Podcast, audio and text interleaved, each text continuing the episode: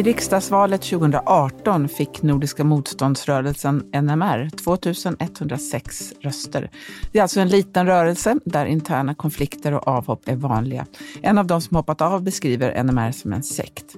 Det är också en revolutionär organisation som är hårt styrd av sin ledare och medlemmarna väjer inte för att använda hot, grovt våld och trakasserier mot judar i Sverige.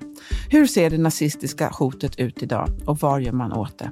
Välkommen till Studio DN. Jag heter Sanna Thorén Björling.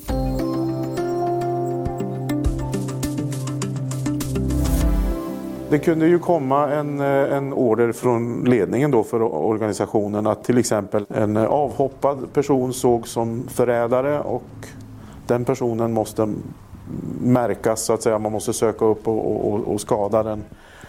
Jag har ju fått flera sådana order. Jag har också varit så att säga, inblandad i att sådana order har utförts. Det där var den tidigare NMR-medlemmen Jimmy Tunlind. Och nu har vi med oss Niklas Orenius som är reporter på DN och den som intervjuade eh, Jimmy Tunlind. Välkommen Niklas! Tack! Du har ju skildrat svensk högerextremism i många år. Jimmy Tunlind är ju en man i 50-årsåldern. Han bor i Östergötland och han var under flera år en av de mest aktiva medlemmarna där i NMR. Om vi börjar med att säga någonting om det här ordet aktiv. Eh, vad var det han ägnade sig åt?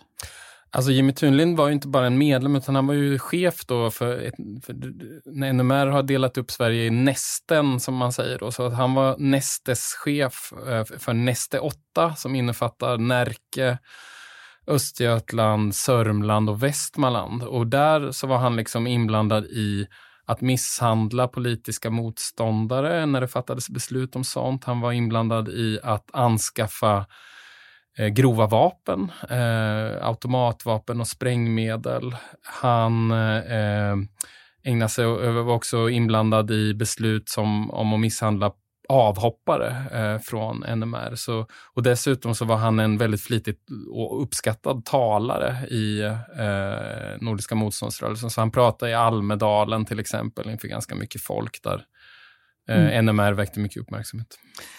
Eh, hur kommer det sig att du träffade honom?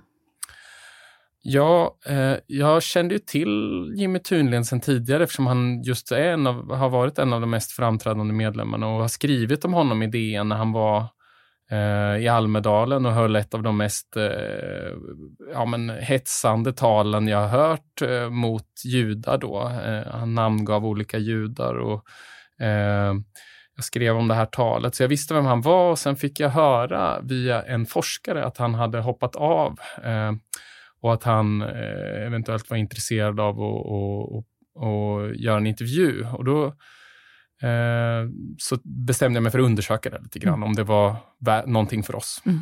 Vad är det som gör då, eh, tycker du, att hans historia är journalistiskt relevant att berätta? Det finns ju de som tvivlar på att den är uppriktig och han säger ju själv att han har varit inblandad i våldsbrott. Och man kan ju tänka att det är inte okomplicerat att ge honom stort utrymme. Absolut, det är eh, en bra fråga. En tidning är ju inte heller någon eh, terapiverksamhet för avhoppare som ska ha rätt att liksom, eh, bre ut sig. Eh, utan det handlar ju liksom om, helt enkelt om hårda fakta, vad han kunde berätta som inte var känt tidigare. Eh, och jag eh, träffade honom vid tre tillfällen och har nog pratat med honom kanske sex timmar sammanlagt. Och han vittnade ju om olika misshandelsfall där NMR hade varit inblandade och jag kunde kolla upp det sen via polisanmälningar och via eh, när jag visste att det fanns ett offer och få, få det bekräftat att det han berättade stämde så, så långt det gick. Liksom. Jag har inte hittat något, något fall där det inte ska ha stämt. Eh, Nordiska motståndsrörelsen Eh, de, hans gamla kompisar då förnekar ju att de har köpt in vapen och sådär, men de säger ju samtidigt att han är golare och, och sådär. Så det, eh, jag har försökt så gott det går att belägga det som han säger och, och, jag har också frågat experter på NMR om, om han är trovärdig och de menar att han är det. Då. Så det har ju ett stort allmänintresse helt enkelt att berätta att det finns en man, man, visste ju om att Nordiska motståndsrörelsen finns och att de är våldsbejakande, men hur det går till och att de fick en order om att anskaffa eh, grova vapen och att de, eh, hur det går till när de beslutar sig för att misshandla folk och hur de ser på, på världen liksom helt enkelt. Det har ett mm. högt allmänintresse eftersom NMR faktiskt har eh, orsakat väldigt mycket lidande och fortsätter att göra det i vårt samhälle och är mm. en antidemokratisk kraft. Mm. Jimmy Thunlind han berättar ju i ditt reportage om en order som kom i mars 2020. Eh, kan du berätta vad var det som hände då? Ja, Jimmy Thunlind berättade ju som att eh, Nestescheferna, då, de åtta eh, som finns i Sverige, att de kallades Eh, till Västergötland utanför Skara och att de fick eh, lämna ifrån sig mobilen och gå ut i skogen. Och där var det en av Nestescheferna då som sa att eh, nu var det dags att, att, skaffa vapen, fixa det här. Eh, det skulle vara automatvapen, det kunde vara sprängmedel, det kunde vara granater. Eh, för att, och motiveringen då var att det var ju precis när pandemin hade börjat. Eh, motiveringen var att eh, nu försämras samhället så snabbt så att nu kan vi behöva de här vapnen på ett eller annat sätt. Eh, och han beskriver då hur han och i hans näste lydde den här orden så att man upparbetade en kanal till som han beskriver då den kriminella världen. Man kan ju tycka att det som NMR sysslar med är kriminellt, men han, han beskriver det så, liksom det, eh, någon, någon vapenhandlare. Eh, och så fick de beställa vapen som kom från Balkan och någon gång fick de vänta på de här vapnen för att det skulle eh, till kriminellt gäng i Stockholm istället och sådär. Så att eh, Ja, men han beskrev ju helt enkelt hur de köpte in eh, sprängmedel, och automatvapen och annat. Mm. Eh, Jimmy Thunlinds egen väg in i den här rörelsen, hur, hur såg den ut? Ja, Jimmy Thunlind är lite speciell. Han, han, eh, han växte upp i en, en sekt kan man väl säga, Jehovas vittnen, i alla fall en väldigt sluten rörelse. Eh, eh, och lämnade den när han var 29 år. Men han har berättat att redan i tonåren så, så drogs han lite grann till, till nazism. Eh, det, då, han är ju 53 år och var tonåring på 80-talet och då fanns det ett svenskt nazistparti som hette Nordiska rikspartiet och han nåddes av propaganda från dem och tyckte att det var, han, han gick ju inte med där då, men han tyckte ändå det var intressant och han var fascinerad av nazismen har han berättat. Eh, men sen så har han ju haft liksom ett vanligt eh, medelklassliv, liksom, där han haft eh, bra jobb och, och villa och familj och barn och sådär. Men och han var ju faktiskt också eh, representerade Moderaterna då mellan var, 2010 och 2014. Han satt i, som ersättare i Burlövs kommunfullmäktige och han var nämndeman ända fram till 2015 faktiskt. Mm. Men där, då beskriver han det själv då som att han gick in eh, i ett mörker och han såg väldigt pessimistiskt på eh, samhällsutvecklingen och tyckte vid flyktingkrisen att samhället visade sitt misslyckande totalt och blev väldigt arg och, eh, och sa att han ville... Jag var arg och jag ville gå med i något argt. Så mm jag tror inte alls att det är vanligt liksom, att man lämnar Moderaterna för att gå med i, i Nordiska motståndsrörelsen. Så, så han, jag tror att eh, ja, men han är ganska ovanlig på det sättet. Mm. Han beskriver ju själv då i efterhand också Nordiska motståndsrörelsen som en sekt. Ehm, och han har ju erfarenhet av andra eh, liknande, eller av andra sekter.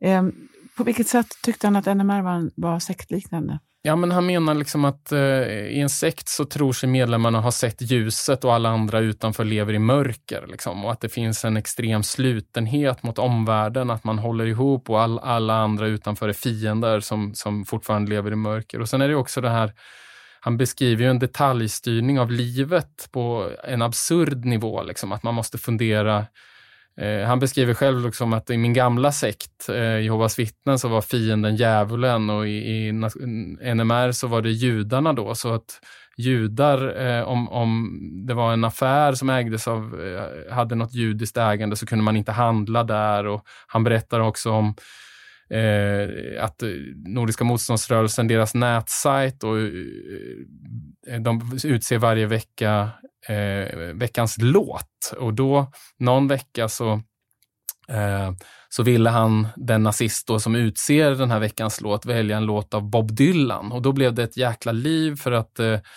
eh, Bob Dylan ju är jude och det gick inte an. Eh, mm. Så det blev, eh, ja, Jimmy Thunlind beskriver det som liksom att det blev eh, kalabalik och bråk och han fick säga, ja, men det är ju en bra låt. Mm. Det spelar ingen roll, han är jude, det kan vi inte publicera. Och det är ju, man kan ju nästan tycka att det är komiskt, även om det för, förstås eh, är ju en, en ja men det, vi har ju berättat om vapen och det här våldskapitalet och sådär, men det, det blir ju, den där detaljstyrningen är ju absurd. Liksom. Mm. Och den är väl också väldigt sektliknande menar han. Just det, att man får också en väldigt stark vi och dem känsla. Och ja. så.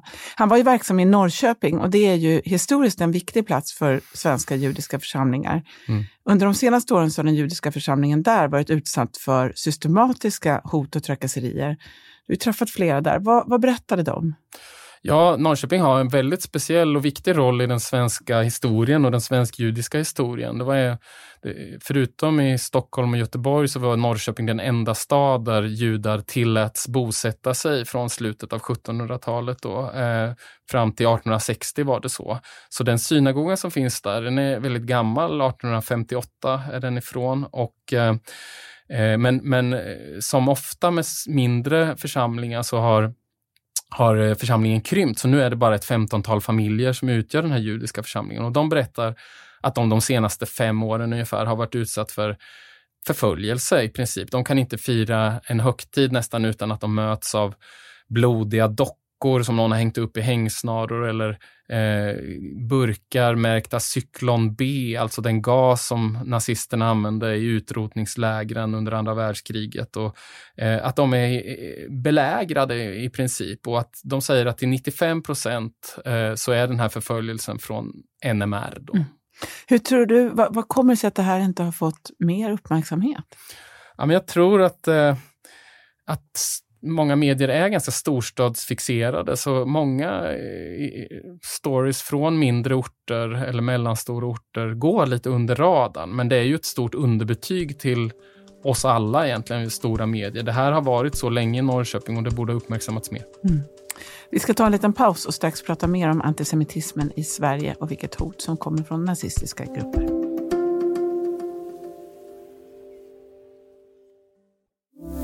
Studio DN idag. Vi har med oss Niklas Orenius som är reporter på Dagens Nyheter. Vi pratar om Nordiska motståndsrörelsen och om antisemitism i Sverige. Eh, Niklas, du bor ju i Malmö. Det är ju en stad där judiska invånare också är utsatta, eh, men kanske inte främst av svenska nynazister, utan av andra grupper. Eh, hur, hur ser det där ut? Ja, eh, judiska församlingen i Malmö och många judar i Malmö eh, i skolor och på andra ställen vittnar ju om att eh, där är det ofta så att eh, hatet mot dem och antisemitismen är sammanflätad med eh, en ilska mot Israels politik. Så det handlar ofta om, det kommer ofta från människor med, med familjebakgrund i Mellanöstern. Eh, det finns ju ganska många personer som har bakgrund i Mellanöstern i Malmö och de de kommer ofta från länder där antisemitism är mainstream, där det liksom pumpas ut eh, lögner om judar och hur judar är i stora medier. Eh, länder som Syrien och andra eh, länder i Mellanöstern. Så att det är ju personer som kanske har fått med sig antisemitism hemifrån och, och, och då blir det en utsatthet. Men det finns ju även i Malmö nazister. NMR finns även i Malmö, så det, det kommer inte bara från ett håll. Nej, det kommer från olika håll. Eh, ofta kan ju då, som NMR som är en förhållandevis, som polit, politisk kraft är den ju liten, men som sekt eller terrorgrupper kan, ju, kan de ju vara små, men de är farliga ändå, för att just på grund av det här våldskapitalet. Eh, vad säger du, är det som någon slags terrorgrupp snarare än ett politiskt parti som man ska betrakta NMR? Alltså, Jimmy Tunlind själv som har lämnat, han, han tycker ju att eh, det går att se dem som en terrorrörelse eftersom de har de är inte främmande för att använda våld och så, men sen är, man kan väl vrida och vända på det där lite grann. Det är i alla fall en, en sekt, som, eh, en, en rörelse som, där många medlemmar har utfört eh, grova våldsdåd och eh, tänker kanske särskilt på de här bomberna i Göteborg som var 2016 och 2017 där det var NMR-medlemmar. Där var det ju Alltså i Göteborg då eh, tre bomber, två tror jag mot asylboenden och en mot en eh, anarkistisk bokhandel. Eh, och I ett av de här bombdåden mot asylboende så var det en städare som nästan blev av med sina ben. Och då, då var det ju så att det var NMR-medlemmar som hade gjort det, men officiellt så sa NMRs ledning att eh, de inte hade sanktionerat det här, men de tog inte heller avstånd från det. Och det är väl kanske det är liksom någon sorts mellanväg. Vanliga terrorgrupper brukar ju kanske ta på sig ansvaret, men de vill väl eh, ja, inte låtsas om allt våld som de står för. Nej, just det. I en del eh, länder är ju nazistiska organisationer som, som NMR förbjudna och det finns en majoritet i riksdagen för att förbjuda eh, Nordiska motståndsrörelsen. Men justitieombudsmannen har ju pekat på farorna med att inskränka yttrandefriheten då. Eh, om du ska dra det här lite, hur ser argumenten ut för, för och emot ett sådant förbud? Ja, men argumenten för är ju eh, att det, är, eh, det, det, finns ju många som menar att, att, bara att ha en nazistisk rörelse är hets mot folkgrupp, att det liksom är per en olaglig verksamhet. Ja, om man står för nazism, och det gör de ju öppet, även om de alltid säger nationalsocialism istället, så är det ju nazism. Eh, det är ju, innebär ju hets mot minoritetsgrupper. Det innebär ju en folkmordsideologi egentligen. Eh, och, och, vi har ju sett liksom i Almedalen, men även i Bokmässan i Göteborg i flera år, liksom hur faktiskt NMR eh, skrämmer eh, folk, eh, misshandlar folk, inskränker vanliga människors frihet och särskilt då minoritetsgrupper. Jag minns själv i Almedalen flera år hur de betedde sig så obehagligt så att det var många som åkte hem i förväg. Det var hbtq-grupper, det var eh, judiska mammor som skrev till mig liksom och sa att vi var tvungna att lämna ön tidigare för att det var nazister på gatorna. Så det är väl argumentet för att det här är, det är hets. De är hets per definition. Argumenten emot är ju det här med, ja men vi har en föreningsfrihet i grundlagen, eh, yttrandefrihet som är långt gången. Och sen finns ju, har ju JO då och andra lyft argumentet att om, om man förbjuder dem så går de bara under jorden och då kan de bli ännu farligare. Mm. Vad ligger i det tror du? Ja, men jag tror att det kan ligga något i det. Eh, att att eh, det blir svårare för myndigheterna att ha koll på dem. Men å andra sidan, om man tänker sig utifrån en, eh, en judisk församling då, i en liten stad. Vi har inte pratat om Umeå, men där skrämdes de ju faktiskt Judiska föreningen i Umeå fick stänga eh, på grund av hets, inte minst från NMR. Då. Eh, jag tror att det skulle vara svårare för NMR att liksom förfölja och eh, ja, hetsa mot, eh, mot... Jag tror det skulle vara... Jag vet ju att judiska församlingen i Norrköping vill att de ska bli förbjudna. De tror att det skulle bli, livet skulle bli lättare. Det skulle vara lättare att vara jude och det gäller säkert andra minoritetsgrupper också. Mm.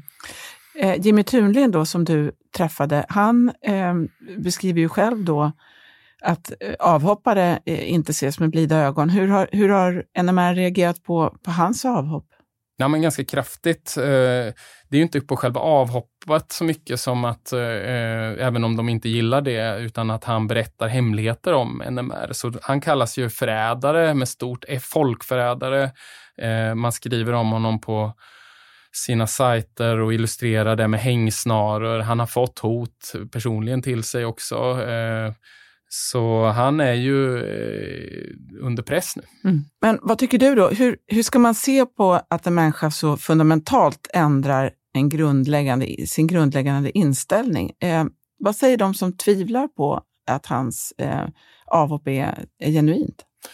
Ja, men judiska församlingen tvivlar ju på det, att hans avhopp är genuint. De minns honom som en eh, aggressiv talare eh, som som eh, hetsade mot judar. Eh, men han säger själv då liksom till de som tvivlar att eh, ja, men om, det inte, om inte det här var äkta så hade jag aldrig haft kraften och motivationen att berätta om de här sakerna som jag gör. Eh, och så säger han att jag ångrar inget, för jag sysslar inte med att ångra saker, men jag vill kanske, kanske inte ställa till rätta, sa han, men jag vill inte att min tid i NMR ska ha varit meningslös, säger han. Så att han vill liksom vända det, så uppfattar jag det, till, till någonting bra. Men jag säger ju inte som reporter hur man ska uppfatta honom, utan jag lämnar det upp till läsaren att eh, bestämma hur man vill se på hans, om det är genuint eller inte. Ingen kan ju tränga in i någon annans huvud. Hur ser han? Han är ju fortfarande arg, då beskriver han ändå, eh, och tvekar nu mellan att rösta på SD och på Vänsterpartiet. Eh, den här ilskan, är det, ser den likadan ut för honom? Är han arg på samma saker fortfarande? Pratar ni om det? Ja, han, är inte, han, han säger ju att jag har lämnat, eh, jag är inte, eh, jag, ser, jag, eh, jag, har lämnat det här med att, att judar skulle vara på något speciellt sätt. Eller, han, han menar att han liksom inte hetsar mot minoriteter eller eh, han ser alla på, på samma sätt. Utan hans, men han säger fortfarande att han han, att han är arg, eh, men då är det liksom ur ett systemkritiskt, han är liksom arg på systemet på olika sätt, att det är orättvist. Du har ju också intervjuat eh, många forskare inom högerextremism i Sverige. Eh, de, den, de har ju följt den i flera decennier. Vad säger forskningen om NMRs, NMRs ställning just nu? Ja, experter eh, menar ju då att eh, NMR är försvagade, kraftigt försvagade. Eh, 2019 var det väl så, så fick det ju en, blev det en splittring inom NMR där några av de ledande bröt sig loss och startade något som heter Nordisk styrka och sedan dess har det varit avhopp. Eh, och Det var någon expert som jag pratade med som menade att den här orden som Jimmy Thunlind berättar om, att man skulle beväpna sig, att det var ett sätt att eh, försöka återta kontroll och försöka bygga upp ännu större våldskapital. Eh, att man kunde se det på det sättet. Men de är ju för, de är försvagade jämfört med hur det var 2016, 2017. Sådär. Mm. Så avslutningsvis då, Niklas, vad tycker du själv eh, ska bli mest intressant att följa under de närmsta månaderna? Ja, men jag tror inte att eh, just NMR kommer spela så stor roll i valrörelsen och så, utan eh, jag tycker då får man lämna ämnet. Jag är ju politisk reporter och, och, och tycker själv att jag snart 50 år, eh, har sett olika tidsandor komma och gå. jag, en av de sakerna som har förändrats mest sen när jag var barn är ju att vi har fått mycket större ekonomiska klyftor i Sverige. och jag tycker det ska bli intressant att se om det kommer slå igenom i valrörelsen, om man kommer prata om det, för det är en av de största förändringarna. Och jag är nyfiken själv på att se om det kommer slå igenom i valrörelsen på något sätt. Mm. Stort tack för att du var med idag. Tack. Om du vill kontakta oss så går det bra att mejla till studiodn Kom också ihåg att prenumerera på Studio DN där du lyssnar på poddar så missar du inga avsnitt. Studio DN görs för Podplay av producent Palmira Kokarimenga, ljudtekniker Patrik Miesenberger och teknik Oliver Bergman på Bauer Media. Jag heter Sanna Thorén Björling.